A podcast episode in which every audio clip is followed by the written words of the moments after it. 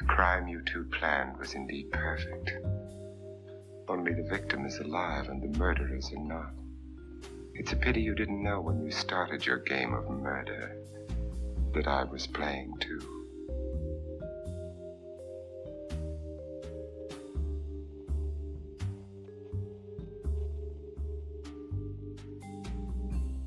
Stany Zjednoczone, rok 1967. Rok, w którym startuje Apollo 1, a po chwili wybucha, zabijając trzyosobową załogę. Rok rasowych zamieszek w Detroit, w których zginął 43 osoby. Rok, w którym odbywa się pierwszy w historii Super Bowl. W 1967 roku listę przebojów podbijał Beatlesi, a w kinach płaci się zaledwie ponad jednego dolara, żeby obejrzeć Bonnie Clyde albo Absolwenta z debiutującym właśnie Dustinem Hoffmanem. Rzeczywistość 1967 roku wygląda właściwie dokładnie tak jak w Absolwencie. Kraj opanowany jest przez eksperymentującą młodzież, przeciwników wojny w Wietnamie i niezrozumiałych dzieciaków, którzy szukają odpowiedniej dla siebie filozofii życiowej. W 1967 roku kwitnie też kościół szatana, którego działalność będzie wyjątkowo tragiczna w skutkach. Dzisiejsza historia jest nieco mniej typowa. Zamiast sądowych potyczek będziemy mieć satanistyczne liturgie, zamiast przestępców najbardziej nietypową parę, jaka chodziła chyba po Hollywood, a zamiast tradycyjnego zabójstwa będzie klątwa. Jest ciepło, radośnie, słonecznie, a przynajmniej w dniu, w którym to nagrywam. Myślę więc, że aura sprzyja doskonale opowieści o szatanie i jego rzekomej kapłance.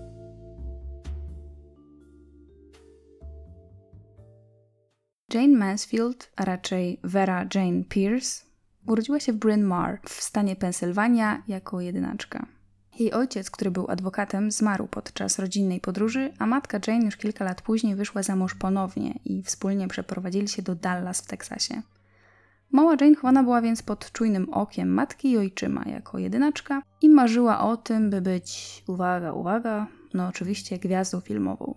Już za młodu uwielbiała Shirley Temple, to była taka dziecięca gwiazda ekranu, a jako nastolatka kochała się w bezpruderyjnym wizerunku hollywoodzkich wampów, takich jak Jean Harlow oraz Hedy Lamar. Jane oceny miała podobno świetne, a w wieku 12 lat zaczęła uczyć się tańca towarzyskiego, gry na skrzypcach, fortepianie, altówce oraz języków obcych, a dokładnie to hiszpańskiego i niemieckiego. Dziecko wielu talentów. W 1950 roku, czyli kiedy miała 17 lat, Jane wyszła za mąż za Paula Mansfielda, po którym oczywiście miała to swoje sławne nazwisko. Zaraz później urodziła pierwszą córeczkę. Pomimo tego, że założyła rodzinę, to ona wcale nie chciała być zaszufladkowana jako żona, matka i gospodyni domowa. Zapisała się nawet na studia aktorskie oraz na dramaturgię, a rok po ślubie z całą rodziną przeprowadzili się do Los Angeles, miasta aniołów. Tam sprzedawała popcorn w teatrze, a w międzyczasie uczyła tańca i jednocześnie dorabiała jako fotograf i modelka. Jane wygrała nawet sporo konkursów piękności, w tym nawet z tego co się doczytałam, Miss Rockford Cheese, czyli była Miss Sarah Rockford. Ale faktycznie była piękna i bardzo fotogeniczna. Naturalnie miała ciemne włosy, które na wzór swoich idolek, takich jak Jean Harlow oraz Marilyn Monroe, farbowała będzie na kolor platyny. Co robił jej mąż w czasie, kiedy ona szukała swojego miejsca na ziemi?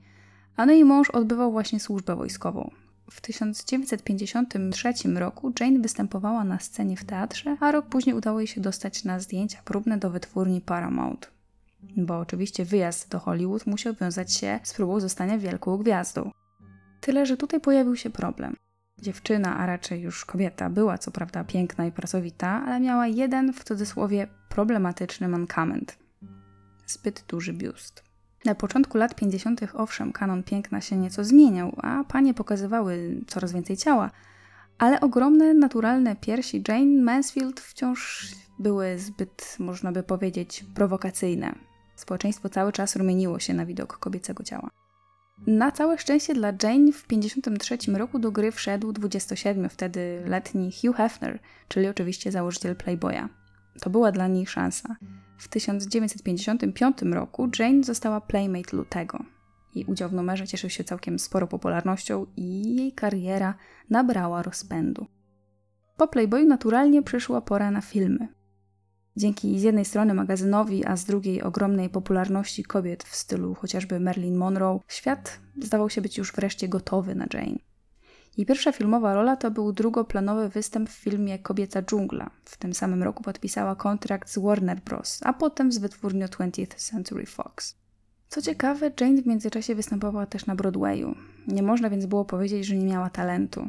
Tyle, że niestety dla niej mało kto patrzył na te jej umiejętności czy talent.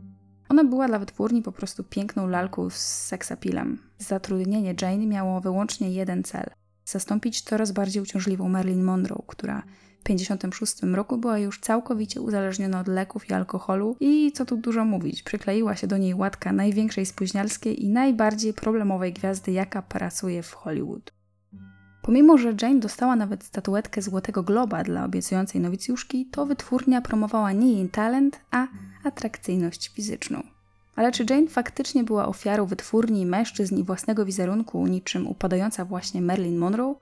No, w jakimś stopniu pewnie tak. To, co ją od tej nieco starszej koleżanki po fachu różniło, to to, że Jane uwielbiała szokować. Znacznie bardziej niż, wydaje mi się, Merlin. Właściwie od połowy lat 50. o Jane było głośno nie tylko wśród widzów, ale też w tym hermetycznym środowisku hollywoodzkiej śmietanki. Każda celebrycka impreza, na której pojawiała się Jane, musiała należeć do niej. Była w stanie zrobić wiele, żeby zwrócić na siebie uwagę. Do historii przeszła już słynna fotografia z przyjęcia, na której pozowała Sofią Loren. Jane paradowała na imprezę i właściwie to przez nikogo nie proszona usiadła mm, przy stoliku Sofii w sukience z dekoltem tak wyciętym, że bez problemu można było zobaczyć jej biust. No cóż, Jane lubiła, jak było o niej głośno. Po rozwodzie z pierwszym mężem wprowadziła się we własne cztery kąty. I to nie były byle jakie cztery kąty. Po rodzinie swojego ojczyma odziedziczyła 40-osobową rezydencję na Sunset Boulevard, oczywiście w Los Angeles. Cały ten dom, a raczej pałac, pomalowała na różowo. Wystrój wnętrza też był różowy, a w środku miała podobno fontannę wypełnioną szampanem. Rezydencja nazwana przez Jane Pink Palace była chyba najsłynniejszym domem Hollywood. W międzyczasie miała jeszcze dwóch mężów. Pierwszy z nich był zwycięzcą konkursu Mr. Universe i kulturystą. Miała z nim trójkę dzieci, dwóch synów oraz córkę. Miesiąc po rozwodzie z kulturystą poślubiła reżysera Mata Simbera, z którym miała kolejnego syna. Dwa lata później, a to był dokładnie rok 66, doszło do rozwodu. Ale czy Jane przejmowała się tym, że nie wiodło jej się w życiu uczuciowym? Bynajmniej. Jane zdaje się nie próżnowała w szukaniu kochanka idealnego, nawet wtedy, kiedy była mężatką.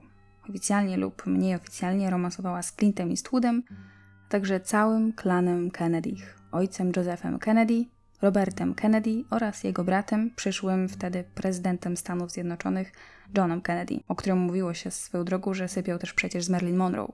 W sumie, jak tak sobie myślę, to o Robercie też się to mówiło. No, nieważne. W ogóle patrząc na postać Jane, mamy do czynienia z ciekawym paradoksem. Z jednej strony widzimy blond seksbombę mieszkającą w różowym pałacu, otoczoną chyba tuzinem piesków ciułała, która kocha szokować i kocha, za przeproszeniem, świecić biustem, wyłącznie po to, żeby o niej mówiono. Ale z drugiej strony mamy matkę czwórki dzieci i niezwykle inteligentną kobietę. Wydaje mi się, że Jane bardzo sprytnie współtworzyła swój wizerunek takiej słodkiej idiotki. W rzeczywistości była aktywistką antywietnamską, grała na kilku instrumentach, mówiła podobno w pięciu językach, po godzinach czytała stosy książek i miała IQ wynoszące 163. Sama o sobie nawet powiedziała, tutaj zacytuję, Częścią bycia czarującą dziewczyną jest poniekąd naiwność i bezradność wobec opinii publicznej, zwłaszcza wśród mężczyzn. W latach 60. Jane była tak sławna, że Beatlesi, zapytani podczas pierwszej podróży do USA, z kim chcieliby się spotkać, to Paul McCartney odpowiedział bez wahania Jane Mansfield. No i oczywiście spotkali się. To spotkanie oczywiście było udokumentowane i obfotografowane dosłownie z każdej strony. Tyle, że niestety, właśnie lata 60., lata Twiggy, Mie Farrow, Jane Fondy, Audrey Hepburn, lata nowego kobiecego ideału. Kobieta lat 60. była szczupłą feministką, która walczyła ze stereotypową rolą kobiety w społeczeństwie. Owszem, była wyzwolona seksualnie, ale nie epatowała erotyzmem, nie nosiła głębokich dekoltów i nie grała głupiej. Popyt na seks bomby malał, tak samo jak malał popyt na Jane Mansfield. W filmach pojawiała się coraz rzadziej, bo dla jej typu osobowości i wyglądu brakowało już ról. Zarabiała głównie na występach w klubach nocnych. Gusta fanów kina może się zmieniały, ale gusta mężczyzn niekoniecznie. Przez kolejne ciąże trudno jej było w dodatku utrzymać kontrakt z Foxem. Głośno zrobiło się o niej właściwie tylko na chwilę w 1963 roku przy okazji filmu Obietnice, Obietnice. Mansfield stała się w tym filmie pierwszą amerykańską mainstreamową aktorką, która na ekranie pokazała się całkowicie nago. Jane znów była atrakcją, ale niestety tylko na chwilę. W 1965 roku, czyli już dwa lata później, mało kto o niej pamiętał. Co więc zrobiła Jane, żeby znów szokować publiczność? Rok 1966. Festiwal filmowy San Francisco, na który Jane przybywa podobno nawet niezaproszona. Pojawia się w różowej sukni bez bielizny. Tak, widać to, że jest bez bielizny. Ale to niestety nie wystarczyło, żeby zyskała wystarczający rozgłos i uwagę fotografów. I agent zaaranżował wtedy spotkanie z dosyć, jakby to określić, nietypową personą. Otóż Jane oraz jej ówczesny chłopak, prawnik Sam Brody, dostali zaproszenie od mężczyzny, który prasie znany był jako Anton LaVey, założyciel kościoła satanistycznego. Według niektórych źródeł to ona sama wprosiła się na to spotkanie, według niektórych to on ich zaprosił. Jakby nie było, jedno jest pewne. Z pewnością w 1966 roku Jane Mansfield i jej chłopak Sam Brody pojawili się u progu wiktoriańskiej willi San Francisco. Willi pomalowanej w całości na czarno, znanej pod nazwą Czarny Dom lub inaczej Kościół Szatana. Trudno powiedzieć, jak to spotkanie przebiegło, w żaden sposób nie zostało udokumentowane. Media przyjęły jednak ten news o nietypowym incydencie bardzo entuzjastycznie. Satanista i różowa lala Hollywood. Takie połączenia zawsze wzbudzają zainteresowanie. Bo jak oczywiście można się domyślać, pan Anton LaVey był medialną bestią, może nawet bardziej kolorową niż sama Jane.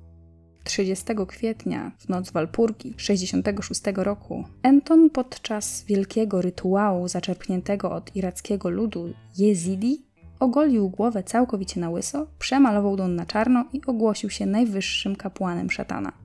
Prasa znała więc go jako założyciela kościoła szatana. Niekiedy nazywano także go czarnym papieżem.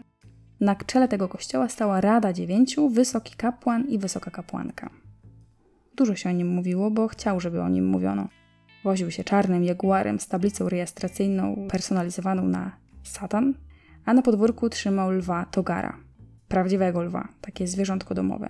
Ale nie wystarczało mu posiadanie lwa.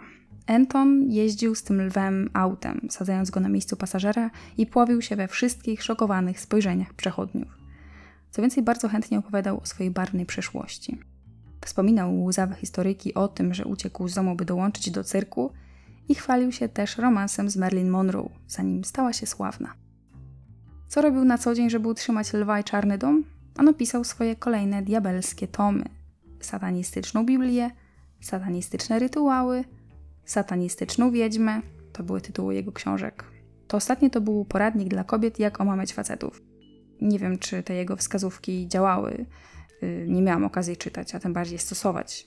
Co ciekawe, wśród swoich złotych porad dawał na przykład sugestie modowe. Namawiał panie do podkreślania swojego seksapilu, noszenia ponczoch, bo tak robią prawdziwe czarownice, oraz noszenia zużytych tamponów na szyi. To akurat miało przyciągać mężczyzn. Media go uwielbiały. Dzisiaj podejrzewam, że mało kto zwróciłby na niego uwagę. A przynajmniej mało kto wziąłby te jego rytuały na poważnie, no chyba że Fakt albo Super Express. Ale to były lata 60. Czas wyzwolenia seksualnego, czas odejścia od standardów, czas kwestionowania religii i dotychczasowych zasad życia społecznego. Satanizm uważano za całkiem ciekawą filozofię, która w przeciwieństwie na przykład do chrześcijaństwa głośno mówiła o dążeniu do przyjemności i udanego życia. LaVey całkiem chętnie pokazywał wnętrze swojego czarnego domu i zapraszał fotografów do uczestniczenia w jego okultystycznych seks rytuałach z nagimi kobietami na ołtarzu z pentagramem. W salonie miał kominek, który w rzeczywistości był tajemnym przejściem do komnaty rytualnej. Satanistyczne chrzty, satanistyczne pogrzeby, satanistyczne śluby. Jego kościół rósł w kolejnych wyznawców, którzy przyjeżdżali do słonecznej Kalifornii w poszukiwaniu lekkiego, przyjemnego życia. Mówił o sobie, tutaj cytuję: Jestem wszystkim, co jest nikczemne, naganne i złe na świecie. Jestem najgorszym koszmarem ludzi. Szeptało się też, że po jednym z takich spotkań wyznawców podano wystawną kolację. Ugotowane kobiece udo, przyzdobione syropem, pieczonymi bananami i ziemniakami. Wszystko to podane z winem. W sieci można znaleźć nawet zdjęcia z szatańskiego chrztu jego córki. No właśnie, niby śmieszne, ale dla osób religijnych taka praktyka może się wydawać szalenie niebezpieczna. Myślicie, że przyciągał jedynie szalonych hipisów? Otóż nie. Do jego kościoła chętnie dołączali bogaci ludzie, a nawet celebryci, tacy jak na przykład podobno Sammy Davis Jr., Kim Novak, Christopher Lee czy Valentino Liberace. W ogóle po raz pierwszy zrobiło się o nim głośno przez opublikowanie w gazetach na całym świecie zdjęcia z satanistycznego ślubu, który LaVey odprawił dla Johna Raymonda, byłego dziennikarza Christian Science Monitor, oraz Judith Case, córki republikańskiego polityka. Różne sławy nadawały organizacji Antona sporo wiarygodności. Wśród jego wyznawców znalazła się też Susan Atkins z kręgu Charlesa Mansona, która trzy lata później weźmie udział w masakrze w domu Polańskiego. Ale to oczywiście temat na zupełnie nowy odcinek. I właśnie między innymi wśród tych przeróżnych osobowości Anton przyciągnął oczywiście Jane Mansfield. Czego ona szukała u satanistycznego kapłana z głową? Chociaż dzisiaj jestem niemal pewna, że po prostu szukała rozgłosu, to wtedy szeptano, że chciała, aby rzucił na nią jakieś zaklęcie, które przewróci jej blask, sławę i fortunę. A no właśnie, bo nie wspomniałam, że Anton bardzo dbał o to, żeby ludzie nie uważali go za wariata, ale naprawdę wierzyli w jego szatańskie czary. Jako najwyższy kapłan szatana potrafił rzucić klątwą. Nie wiem, czy rzucał też takie klątwy, które przynosiły dobrostan, ale klątwy, które przynosiły nieszczęście, rzucać umiał. Ale do tego jeszcze oczywiście wrócę. Po pierwszym spotkaniu Jane była zaintrygowana. Jakiś czas później para została sfotografowana wspólnie w restauracji w Los Angeles o nazwie La Scala. Chociaż twierdziła, że jest katoliczką, to w prasie nawet nazwała Antona, tutaj cytuję, geniuszem i bardzo interesującą osobą. Faktycznie musiał ją nieźle zauroczyć, bo między tą dwójką rozwinęła się przyjaźń. Chociaż wiele źródeł podaje wątpliwość brak zabarwienia seksualnego w tej przyjaźni. No po prostu większość źródeł mówi, że mieli ze sobą romans, a przypominam, że Jane była w tamtym czasie związana z Samem Brody. No właśnie, Sam Brody. Sam Brody był prawnikiem, którego Jane zatrudniła do walki z byłym mężem o prawa do opieki nad dziećmi. Chociaż sam Brody był od niej niższy, starszy i wydawał się całkowitym przeciwieństwem tego, co Jane uważała za atrakcyjnego faceta, przypominam, że do tej pory umawiała się z misterami, reżyserami, kulturystami, prezydentami, uznała jednak, że sam zapewni jej opiekę nad czwórką dzieci. Był po prostu idealnym materiałem na ojca. Wróćmy jednak do relacji Jane z Antonem. Chociaż do sama jeszcze wrócę, bo ta trójka zaciśnie wyjątkowo dziwny trójkąt, który będzie miał bardzo przykre konsekwencje. Według publicystów, którzy później opisywali związek Mansfield i Antona, Jane chwaliła się tą znajomością przed znajomymi. Dzwoniła na przykład czasami podczas swoich przyjęć w Różowym Pałacu i szeptała uwodzicielsko. Jednak na przyjaźni korespondencyjno-telefonicznej tutaj się nie skończyło. Para często do siebie wpadała – co jakiś czas Jane latała więc oczywiście w towarzystwie fotografa do Czarnego Domu w San Francisco, a Anton bywał gościem Różowego Pałacu w Los Angeles. Z ich spotkań, a przynajmniej z tych oficjalnych spotkań, jest więc bardzo dużo zdjęć, łącznie około tysiąca. Ich wspólne chwile uwiecznił nawet fotograf Walter Fisher, który wydał potem książkę California Infernal. Część z tych zdjęć znajdziecie w linku w opisie. Mamy więc na przykład zdjęcia z satanistycznych rytuałów w Czarnym Domu, kiedy to Anton ubrany w czarną pelerynę, szatańskie czerwone różki i pentagram na szyi odprawia modły nad trzymającą czaszkę Jane. Z kolei ich wspólne zdjęcia w hollywoodzkim Różowym Pałacu przedstawiały głównie zdjęcia pary przechadzującej się z dziećmi Jane i stadem jej piesków Chihuahua. Anton był chyba ich wyraźnym fanem. Pozowali więc raz w czarnej świątyni wśród świec, a następnym razem w basenie w kształcie serca.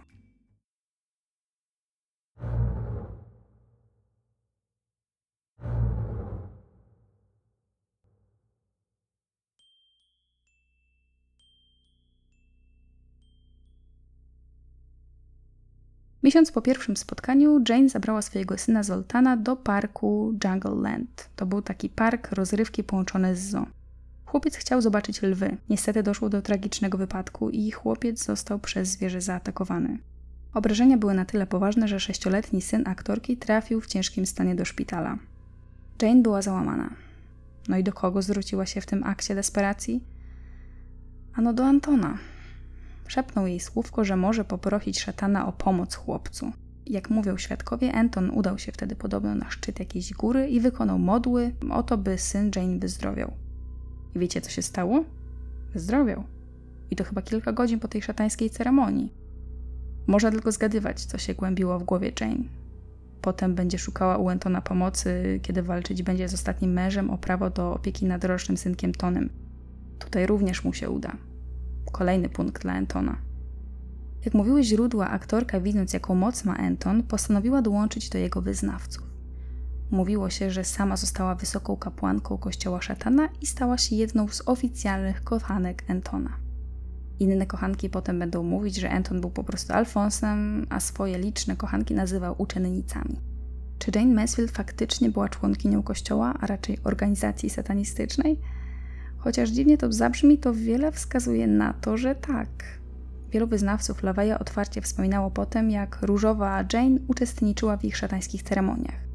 Jeden z nich opowiadał na przykład w prasie, tutaj cytuję, pewnej nocy leżała całkiem nago na wielkim pianinie Antona, widok którego nie da się zapomnieć. No nie wątpię. Co ciekawe, nawet córka Antona, Carla LaVey, wiele lat później, a dokładnie w 1992 roku, powiedziała w wywiadzie dla Joan Rivers, że Jane z pewnością należała do kościoła i miała romans z jej ojcem. Oliwy do ognia dolewał sam Anton, który mówił tutaj, znowu zacytuję, Jane uwielbiała być upokarzana. Potrzebowała surowego mistrza. Uczyniłem ją kapłanką i opowiedziałem o piekle i raju. Uczę ją odprawiać rytuały i rzucać zaklęcia. Lubi słuchać o czarownicach i miłosnych zaklęciach. Aktorka nigdy nie skomentowała plotek. Nie zdążyła. Jak nie trudno się pewnie domyśleć, chłopakowi Jane Samowi niezbyt się to podobało. Był szanowanym prawnikiem, więc łatwo się domyślić, że nie chciał po pierwsze być kojarzony z szatańską sektą pajaca z różkami na głowie, a po drugie, no pewnie nie podobało mu się, że jego kobieta jest owego pajaca kochanką. Był potwornie zazdrosny i wcale się z tym nie krył. Zaczęło się od próśb i gruźb, a skończyło na potwornych ograniczeniach.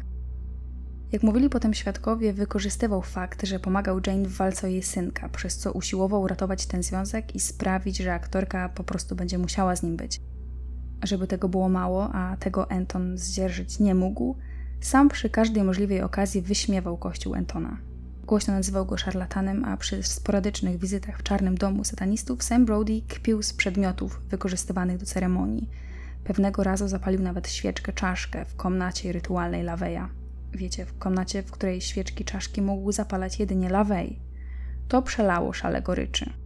Anton miał do niego powiedzieć podobno, tutaj cytuję, ta świeca służy tylko do rzucania klątw. Nie wiem, co się teraz z tobą stanie. Według jeszcze innych źródeł, ta kulminacja rosnącego napięcia pomiędzy mężczyznami zakończyła się znacznie bardziej dramatycznie. Oburzony Lawej miał bowiem całkiem świadomie i całkiem z premedytacją rzucić na sama klątwę, mówiąc: Samie Brody, ogłaszam, że będziesz martwy w przeciągu roku. Sam Brody, jak możemy się spodziewać, wyśmiał tę groźbę, a raczej wyrocznie. Ale jakby to powiedzieć, zgadnijcie, co stało się potem. Pomiędzy końcem 1966 a połową 1967 Sam Brody miał sześć, słownie sześć stłuczek i wypadków samochodowych. W jednej z nich złamał nawet nogę. W nocy z 28 na 29 czerwca 1967 roku, kiedy podróżował z kierowcą Ronim Harrisonem, Jane Mansfield i trójką jej dzieci, sześcioletnim Zoltanem, ośmioletnim Mikim i trzyletnią Mariską, miał miejsce wypadek numer 7. Tym razem niestety śmiertelny. Na autostradzie pod Nowym Orleanem sam Brody, jadący samochodem, zderzył się z pędzącą ciężarówką i zginął na miejscu. Jane Mansfield zginęła razem z nim. Miała 34 lata. Trójka śpiących z tyłu dzieci przeżyła. Na miejscu wypadku natychmiast pojawili się fotoreporterzy a że w tamtych czasach dziennikarze potrafili nie tylko zadeptać ślady, ale też odkryć na przykład przykryte folią zmasakrowane ciała po wypadkach, to świat obiegły sensacyjne zdjęcia połowy ciała martwej Jane Mansfield leżącej w rowie tuż po wypadku jej psa z odciętą głową. W prasie pojawiły się też informacje, że Jane również została odcięta głowa. Ta miejska legenda związana jest ze zdjęciami rozbitego samochodu z odciętym dachem i blond włosami zaplątanymi w przednią szybę. W rzeczywistości faktycznie było takie zdjęcie, ale nie była to głowa, ale peruka, którą nosiła Jane. Żeby tego było mało, LaVey twierdził, że tej samej nocy przeglądał swój notatnik albo magazyn, kiedy zauważył, że wycinając artykuł o Marilyn Monroe, niechcący rozciął zdjęcie Mansfield, która była na następnej stronie. Rozcięcie oczywiście było w okolicy szyi. Chwilę potem zadzwonił ponoć telefon. Prasie zawrzało, fani byli załamani. Z jednej strony Ameryka straciła jedną z największych skandalistek poprzedniego dziesięciolecia, ale z drugiej dostała solidną dawkę informacji o jej powiązaniach z kościołem szatana. LaVey sam przyznał potem, że owszem, była kapłanką. To jest w ogóle ciekawe, że tak powiem, morderstwo, bo chociaż wielu fanów Jane naprawdę wierzyło w historię o klątwie, nożyczkach i dekapitacji aktorki, czyli oczywistą winę LaVeya, to przecież nikt nie mógł go o nic oskarżyć. Kiedy ktoś pytał o klątwę, LaVey nie zaprzeczał. Mówił, że klątwa miała chronić Jane przed samem, bo był wobec niej ponoć agresywny. Ostrzegał nawet Jane, żeby lepiej się do niego nie zbliżała, ale ona nie słuchała. Urządził jej nawet oficjalny pogrzeb w swoim kościele szatana. 30 osób potwierdziło, że kilka żarówek w pomieszczeniu nagle zaczęło migać. LaVey wytłumaczył zebranym, że to wiadomość od Jane, która dawała znać, że wciąż jest z nimi. Oczywiście w to uwierzyli i ochoczo opowiadali dziennikarzom, którzy przekazywali te nowiny dalej. I czytelnicy też w to wierzyli. Tym bardziej, że po śmierci Jane dziwne wydarzenia nie ustawały. Jej pokojówka, która po śmierci aktorki pozostała w Różowym Pałacu i opiekowała się mieszkającymi tam dziećmi Jane, słyszała na przykład, że mały synek aktorki czasem rozmawiał z kimś, nawet kiedy był pewien, że jest sam w pokoju. Uwierzyła więc, że chłopiec w jakiś pozaziemski sposób komunikuje się ze swoją mamą. Mało? Dobra. Jeden z byłych mężów Jane, zaraz po jej śmierci, sam miał wypadek tuż pod bramą wjazdową do jej różowego pałacu. Jej znajomy, który był częstym gościem, jej pokojówka, także mieli potworne wypadki w dosyć krótkim odstępie czasu.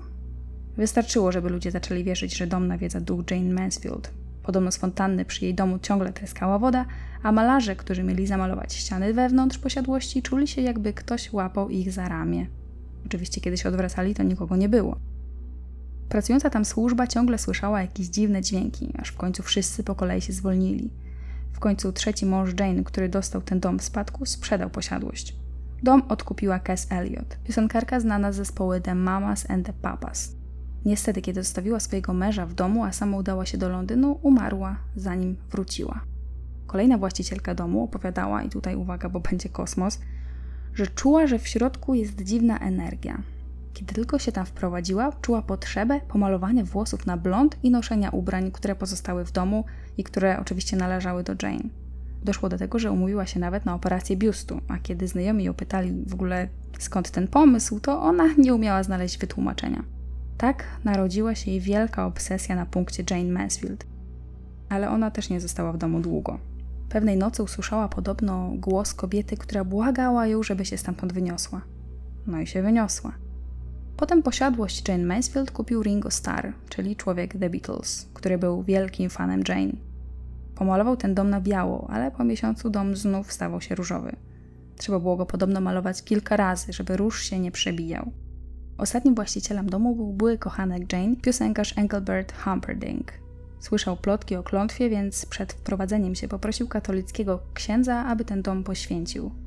W 2002 roku ostatecznie sprzedał dom deweloperowi, i wielka posiadłość, największa poza filmami pamiątka po Jane Mansfield, została zrównana z ziemią. Tymczasem jeśli chodzi o pana Antona, tutaj zarówno prasa, jak i publicyści, na przykład Edward Weber, zaczęli grzebać w jego przeszłości. Trochę zbyt kolorowe były te jego opowieści. Do tamtej pory był raczej tylko nieszkodliwym szarlatanem, ale kiedy w grę wchodziło, jak wielu sądziło, morderstwo, to sprawa wyglądała zupełnie inaczej. Jeśli więc nie więzienie, to może chociaż publiczny lincz. Wokół jego postaci natworzyło się tyle mitów i legend, w większości wyprodukowanych przez samego zainteresowanego, że po prostu muszę przedstawić to, co było prawdą, a co wymysłem jego wyobraźni. Anton Zendor LaVey wcale nie nazywał się Anton Zendor LaVey. Urodził się jako Howard Stanton LaVey 11 kwietnia 1930 roku, czyli był 3 lata starszy od Jane. Twierdził, że miał gruzińsko-alzacko-rumuńskie korzenie, a jego babka była cyganką. W rzeczywistości rodzina była pochodzenia żydowskiego, a jego babka była Ukrainką. Swoje dzieciństwo spędził w słonecznej, radosnej Kalifornii niedaleko Zatoki San Francisco. Od małego był showmanem, uwielbiał muzykę. W wieku 15 lat został drugim oboistą w San Francisco Ballet Symphony Orchestra. Szkoda tylko, że taka orkiestra nigdy nie istniała. Opowiadał też, że kiedy był nastolatkiem, to jego wuj, oficer Straży Przybrzeżnej USA, zabrał go na wycieczkę w powojenne ruiny Niemiec. Tam pokazał mu sekretne filmy inspirowane szatańskimi lożami i okultystycznymi rytuałami. Potem w swojej książce Satanistyczne rytuały zawarł transkrypty tych filmów, które widział w młodości. Tyle, że w rzeczywistości nigdy nie był w Niemczech. Wuj, o którym tak grzewnie opowiadał, siedział w tamtym czasie w więzieniu za udział w przestępczości a la Capone. Owe rytuały niemieckie, które opisywał w książce, to były po prostu zmienione na ubogi język adaptacja jakichś opowiadań i powieści. Kiedy miał 16 lat, opuścił szkołę średnią i dołączył do cyrku. Najpierw jako chłopiec w klatce, który ujarzmiał wielkie koty, a potem jako muzyk w nocnych klubach. To tam rzekomo poznał i nawiązał romans z nieznaną wtedy nikomu Marilyn Monroe, która pracowała jako stripteaserka. Tam też, jak twierdził, patrzył z obrzydzeniem na mężczyzn, którzy w sobotnie wieczory oglądali sprośne pokazy, aby następnego ranka udać się z rodziną na niedzielną mszę. W przedmowie do szatańskiej Biblii opisywał ten moment jako objawienie. Uznał, że skoro osoby chodzące do kościoła mają podwójne standardy, to on nie chce w tym uczestniczyć. Badający jego pochodzenie publicysta nie znalazł żadnych, absolutnie żadnych dowodów na to, by cokolwiek z tej opowieści o cyrku czy klubie nocnym było prawdą. Marilyn Monroe też nie pracowała nigdy jako tancerka w klubach nocnych. Według jego biografii na początku lat 50. przeniósł się do San Francisco, gdzie poznał swoją pierwszą żonę, która jak twierdził miała wtedy 15 lat. W 52 roku urodziła mu się córka Karla. On więc, żeby uniknąć zaciągnięcia do armii wojny w Wietnamie, zaczął studiować kryminologię i został fotografem policyjnym dla Departamentu Policji w San Francisco. Brzmi podejrzanie? To dobrze, bo nic takiego nigdy nie miało miejsca. Jedyną prawdą była tylko żona i córka. Nic więcej. Mniej więcej w tamtym okresie odnalazł swoją życiową pasję, którą stała się czarna sztuka. Uczył się okultyzmu i hipnozy, a w piątkowe noce wygłaszał wykłady na temat nawiedzania, postrzegania pozazmysłowego, wampirów, wielkołaków i magii ceremonialnej. Co ciekawe, te jego wykłady przyciągały wielu słuchaczy. Zebrał potężną bibliotekę książek, które opisywały czarne msze i inne satanistyczne ceremonie zaczerpnięte z historii XVIII i XIX-wiecznej Anglii. Wiele z tych ceremonii traktowały diabła jako bóstwo reprezentujące przeciwieństwo chrześcijańskiego Boga. Mniej więcej w tamtym okresie zaczął też pojawiać się w gazetach, takich jak Look, Newsweek czy Times. I to akurat była prawda. Rozwiódł się w roku 1960, a potem związał z inną kobietą, z którą miał kolejną córkę. Po rozstaniu z tą drugą kobietą zaczął na całego rozkręcać swój szatański kościół. Jak sam twierdził, kupił w tym celu dom w San Francisco przy California Street. Dom, który wcześniej był domem publicznym. To też było oczywiście oszustwo. Dom odziedziczył po rodzicach. Pomalował go w całości na czarno, ogłaszając swoją świątynią. Został dzięki temu lokalnym celebrytą, zapraszając do swojego domu coraz bardziej znane osobistości i coraz bardziej przyciągając uwagę mediów. Zaczął więc tworzyć coś w stylu własnego systemu wiary, który łączył religię, filozofię, psychologię, mitologię i okultyzm. Potem, tak jak już wcześniej wspomniałam, w 1966 roku w noc Walpurgi, to jest takie germańskie święto złych duchów, ogolił swoją głowę na łyso i ogłosił się najwyższym kapłanem kościoła satanistycznego. Rok 66 ogłosił rokiem numer jeden. A mógł, to ogłosił. Potem okazało się, że tę głowę ogolił dlatego, że przegrał jakiś zakład, a całą tę otoczkę starożytnego procederu wymyślił na poczekaniu później. W sumie łysa głowa pasowała do jego wizerunku. No i rogi. Rogi oczywiście też dobrze na niej wyglądały. Badający to dziennikarze doszli też potem do jego głównej inspiracji. Okazało się, że w 1966 roku swoją premierę miał miejsce odcinek serialu Dziki Dziki Zachód, zatytułowany Noc krwi druida. Głównym bohaterem tego odcinka był zły czarownik i przewodnik okultystycznego kultu satanistycznego, Asmodeusz, który wyglądał dokładnie tak samo jak Lavey jakiś miesiąc później. W 1969 roku wydał swoją pierwszą książkę, Biblię Szatana. W książce tej obwieścił władzę diabła nad ziemskim padołem, opiewał czarną magię i siłę mocy piekielnych oraz propagował swobodę erotyczną. Tłumaczył, że chciał spisać główne założenia kościoła w jednym miejscu, aby wyznawcy mieli złożoną lekturę i nie musieli grzebać w różnych książkach. Tyle, że prawda była nieco inna. W rzeczywistości, kiedy prasa zaczęła się nim interesować, jakieś wydawnictwo zaproponowało mu napisanie czegoś, co mogliby wydać. Obie strony zwietrzyły tutaj dobry sposób zarobku. Czasu miał mało, więc sporą część swojego dzieła splagiatował, wykorzystując materiały z innych książek, także takich z XIX wieku. Los Angeles Times i San Francisco Chronicle nazywały go zgodnie czarnym papieżem, bo nie tylko odprawiał, ale też nagrywał satanistyczne chrzty dzieci swoich wielbicieli. Z pewnością jego książka była popularna w USA. W jego biografii można znaleźć informację, że sprzedała się w 600 tysiącach egzemplarzy. Nie wiem na ile to prawda. Tyle, że jeśli chodzi o wyznawców, którzy uczestniczyli w ceremoniach w jego kościele, to tutaj było ich raczej niewielu. Źródła mówią o około 300 osobach, chociaż on sam twierdził, że były ich setki tysięcy. Ta popularność Laveya to w ogóle jest ciekawa sprawa do analizowania przez socjologów. Nie jestem tutaj ani ekspertem od socjologii, ani tym bardziej od satanizmu, ale to ciekawe, że w czasach, kiedy naprawdę wiele osób próbowało szerzyć ideę własnych interpretacji tzw. Tak satanizmu, właściwie tylko Anton LaVey tak bardzo się wybił. Wiadomo, jego wizerunek i fakt, że ubóstwiał prasę z wzajemnością na pewno zrobiły sporą robotę. Ale czemu w takim razie nie był przez naprawdę wiele szanowanych środowisk uznawany po prostu za idiotę? Lata 60. były w Ameryce czasem wielkiego przewrotu kulturowego. W 1966 roku krajem rządził demokrata Lyndon Johnson, a USA otwierało się na wiele liberalnych pomysłów. Ludzie odchodzili od chrześcijaństwa i szukali własnej drogi, która aż tak by ich nie ograniczała. Z drugiej strony mamy zalew hipisów, znanych ze swojej otwartości, skłonności do eksperymentowania i generalnie wolności seksualnej. Takie idee szły w parze z zachęcaniem do wolności jednostki, a to w swoich książkach podkreślał też LaVey. Jak sam mówił, i tutaj cytuję jedną z jego książek, satanizm toleruje wszystkie rodzaje zachowań seksualnych, które należycie zaspokajają Twoje indywidualne żądze. Możesz być heteroseksualny, homoseksualny, biseksualny lub nawet aseksualny, jeżeli tak wybrałeś. Satanizm sankcjonuje również każdy fetysz i dewiację. Wbrew pozorom, Lawey nie chciał, żeby jego kościół skończył jako grupka oszołomów, dla których rozwiązaniem na wszystkie smutki będzie LSD. Widać było, że miał to wszystko przemyślane i chyba naprawdę sam trochę w to wierzył. Czerpał na przykład z filozofii niczego, ale potem sam wymyślał własne koncepcje. Kleił libertarianizm, okultyzm i hedonizm. On nie mówił ludziom, żeby czcili szatana. On mówił, żeby podążali za seksualnymi pragnieniami. Mówił na przykład, i tutaj znowu cytuję, jeśli masz zamiar zrobić coś niegrzecznego, zrób to i ciesz się tym. Do tego wszystkiego miał doskonałą aparycję. Wiedział, jak zrobić show, potrafił omamiać ludzi, a tym swoim rytuałom nadawał teatralności. Ale robił to tak sprytnie, że ludzie wierzyli, że uczestniczył w czymś ważnym i wielkim. Wiązano go nie tylko z wypadkiem Jane Mansfield, ale też z morderstwem klanu Charlesa Mansona z 1969 roku i z czterema śmierciami innych osób związanych z satanizmem. Jak ktoś chciał, to znalazł naprawdę wiele dowodów na to, że Anton LaVey potrafił rzucać przeklęte zaklęcia. Po śmierci Jane czarny papież cały czas kontynuował swoje dzieło. Dopiero po 1972 działalność nieco ograniczył. W 1980 roku LaVey był obserwowany, a potem przesłuchiwany przez FBI.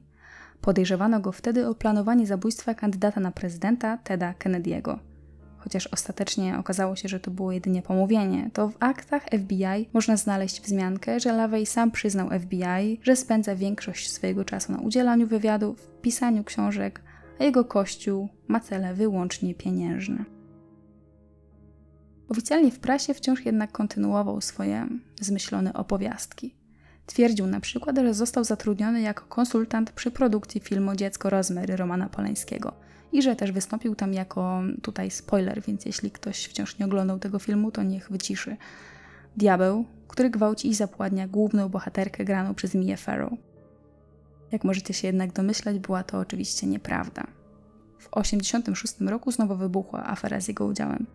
Wtedy był świadkiem molestowania seksualnego własnego wnuka przez własnego przyjaciela, który został potem skazany za przestępstwa seksualne na nieletnich. Dzisiaj historycy, którzy badają satanizm, określają Laveya jako urodzonego showmana, kolorową postać o silnie magnetyzującej osobowości. Porównywano go do Jima Johnsona czy Charlesa Mansona. Do dzisiaj pozostaje jako kultowa, chyba najbardziej znana postać satanistycznego świadka. Jedno trzeba mu przyznać: z pewnością przyczynił się do rozpoczęcia traktowania satanizmu jako poważnego ruchu religijnego. Anton LaVey zmarł 31 października 1997 roku, czyli w Halloween. No dobra, to też była nieprawda. Tak naprawdę zmarł dwa dni wcześniej, ale poprosił swoją córkę, żeby w razie gdyby nie umarł dokładnie w Halloween, to aby podała dzień jego śmierci właśnie jako Halloween. Nawet po śmierci trollował swoich wyznawców. Miał 67 lat. Po jego śmierci odbył się oczywiście satanistyczny pogrzeb, a następnie jego ciało zostało skremowane. Trzy miesiące potem jego córka Zina i jej mąż wydali dziewięciostronowy arkusz z faktami na jego temat, zaprzeczając większości plotek na temat życia Laveya, które sam wymyślił. Zina odeszła od kościoła satanistycznego i opowiadała potem mediom, że jej ojciec na swoich wyznawcach to głównie zarabiał pieniądze. Okazało się, że każdy z członków płacił niemałe składki. Można też było sobie dopłacić za możliwość zostania kapłanem lub kapłanką. Rok po jego śmierci wyszła jego ostatnia książka Mowa szatana. Co ciekawe, jego książka Biblia satanizmu do dzisiaj jest poważnie traktowana przez część okultystów. Jeśli chodzi o jego liczne konfabulacje, to właściwie on sam się do nich przyznał. Nawet w swojej ostatniej książce napisał: Większość mojego dorosłego życia byłem oskarżany o bycie szarlatanem. Myślę, że to sprawia, że jestem tak blisko tego, o czym powinien być diabeł, jak każdy inny. To prawda, cały czas kłamie. Kłamie tak często, że gdybym nie trzymał gęby na kłódkę, to byłbym pełen gówna. Jego wieloletnia partnerka i matka jego syna Blanche Barton napisała autoryzowaną przez niego i wydaną w 90 roku biografię Sekretne życie satanisty. Wyczytać tam możemy też takie rewelacje, że Anton urodził się z ogonem, który był zmuszony ze względów zdrowotnych usnąć chirurgicznie, kiedy miał około 13 lat. Nosił też rzekomo podrobioną odznakę policyjną San Francisco z numerem seryjnym 666. Jest w tej książce też wzmianka o Susan Atkins, znanej głównie ze sprawy morderstwa klanu Mansona na Sharon Tate. Anton miał ją rzekomo poznać, kiedy była tancerką topless w klubie nocnym, a potem zwerbować do roli wampira w jego rytuałach. Dziś Kościół Szatana liczy około 10 tysięcy członków, głównie w USA. Członkiem tego kościoła może nawet zostać po listowym zarejestrowaniu, którego koszt wynosi 200 dolarów. Ale może lepiej tego nie róbcie. Trudno mi w ogóle pytać, co sądzicie o tej sprawie. Wydaje mi się, że każdą sytuację z tej historii można wytłumaczyć bardzo racjonalnie. Tym bardziej, że Anton, a właściwie to nawet nie Anton, tylko Howard, był, zdaje się, tym, o co go posądzano, czyli łysym szarlatanem. Niemniej jednak morderstwo przez klątwę i cała ta historia, chociaż strasznie szkoda mi Jane Mansfield, to jest moja ulubiona teoria spiskowa Hollywood. Dzięki więc, że ją wysłuchaliście.